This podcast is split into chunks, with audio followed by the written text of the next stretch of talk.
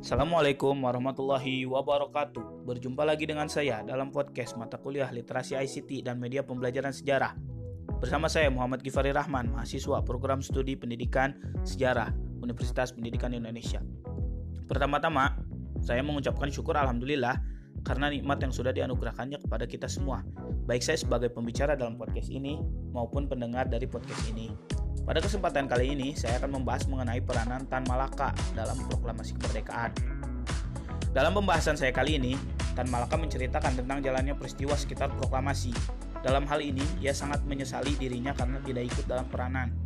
Informasi ini didapatkan dari berbagai sumber yang terkait, disebutkan di antara mereka yaitu Soekarni dan Pandu Kertawiguna. Tujuannya untuk menggambarkan tentang jalannya kejadian yang sebenarnya. Sejarah bukanlah suatu impian, pengharapan ataupun dongeng buat menyenangkan hati para pendengar atau para pemegang kekuasaan belaka, melainkan suatu kejadian yang memang sudah terbukti. Proklamasi tidak terjadi sebagaimana banyak orang mengiranya, yaitu atas prakarsa atau persetujuan Soekarno dan Hatta. Mereka justru menentangnya. Pemalsuan sejarah ini ingin Tan Malaka menjelaskannya dan membantahnya. Ia mengikuti usaha para pemuda selama bulan-bulan terakhir menjelang Jepang menyerah. Sementara itu, ia sebagai Ilyas Husen, putusan Banten memainkan peran sangat kecil. Penculikan Kerengas Dengklok dan diskusi yang berlangsung di sana diberitakan. Soekarno dan Hatta tidak mau mempercayai berita-berita kapitulasi Jepang dan juga tidak percaya pada kekuatan yang mempunyai rakyat dan pemuda. Akibatnya akan banyak korban jiwa besar-besaran dan sia-sia belaka. Dan Hatta bertanya, What happened which? Senjata apa yang ada pada kita?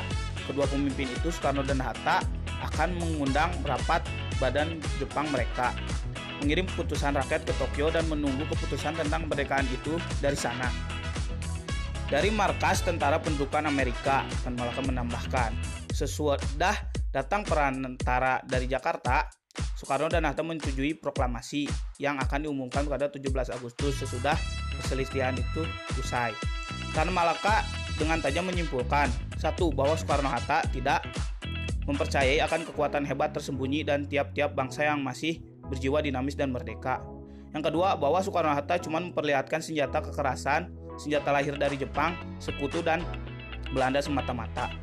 Bahwa Soekarno seperti dibuktikan dari tiga seperempat tahun sejarah di bawah Jepang, sudi menerima janji dan status apa saja yang dihadiahkan oleh Jepang kepada rakyat Indonesia. Jurang antara pendirian, pendapatan, dan tindakan Soekarno-Hatta di satu pihak dengan baik rakyat maupun pemuda di, di lain pihak. Dan Malaka menyimpulkan merupakan kesedihan sejarah dan sejarah kesedihan Republik Indonesia. Dapat kita simpulkan bahwa Tan Malaka memiliki peran yang cukup penting dalam proklamasi kemerdekaan. Demikian podcast untuk kesempatan kali ini. Mudah-mudahan para pendengar sekalian tetap sehat dan semangat. Mohon maaf atas segala kekurangan. Bila taufik walhidayah. Assalamualaikum warahmatullahi wabarakatuh.